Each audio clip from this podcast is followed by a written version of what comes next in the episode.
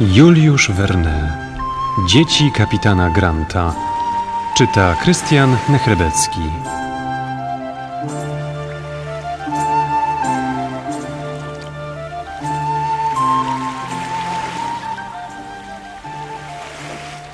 Przygotowania do podróży miały trwać jak najkrócej, a datę odjazdu wyznaczono na 22 grudnia 1864 roku.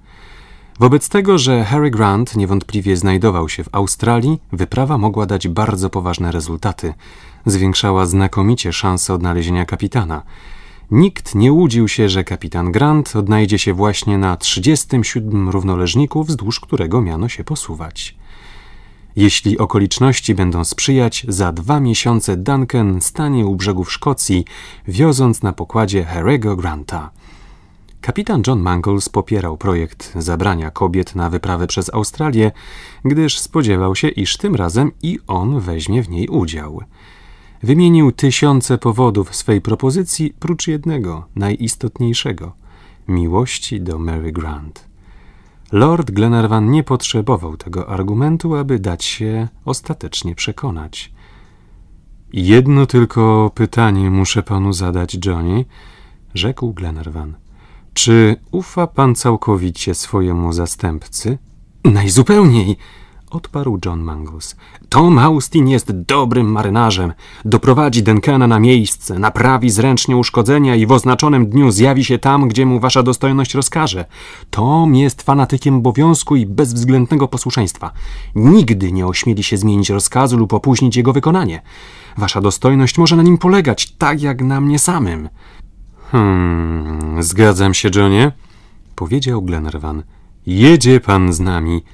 Byłoby nawet dobrze, dodał uśmiechając się lekko, aby był pan z nami w chwili, gdy odnajdziemy ojca Mary Grant. O, wasza dostojność, wyszeptał John Mangles. Tylko tyle mógł powiedzieć. Zbladł, ale po szybkim opanowaniu się uścisnął wyciągniętą dłoń Glenarvana. W tej chwili zjawił się bosman Ayrton. Obejrzawszy maszty i sprzęt Duncana, zakończył wreszcie inspekcję. Ma pan piękny statek, milordzie? rzekł. Powiedziałbym raczej dobry statek, odparł Glenarvan. Jaki ma tonaż? Dwieście dziesięć ton. Nie pomylę się pewnie, jeśli powiem, że Duncan idąc całą parą robi z łatwością hmm, z piętnaście węzłów. Niech pan powie siedemnaście, a jeszcze nie będzie za wiele. Siedemnaście. A więc nawet okręt wojenny nie mógłby iść z nim w zawody? Nie, odpowiedział kapitan Mangles. Duncan jest prawdziwym jachtem regatowym, który nie pozwoli się zdystansować w żadnym razie. Nawet płynąc tylko pod żaglami? Zapytał Ayrton. Nawet pod żaglami. Niechże więc pan, milordzie i pan, panie kapitanie, przyjmie najwyższe słowa uznania od marynarza, który zna się na wartości okrętu.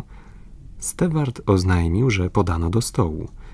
To inteligentny człowiek, ten Ayrton, rzekł Glenarvan. Zanadto inteligentny, zanadto mruknął Major McNabbs, któremu, sam nie wiedział dlaczego, nie przypadła do gustu twarz i maniery Bosmana.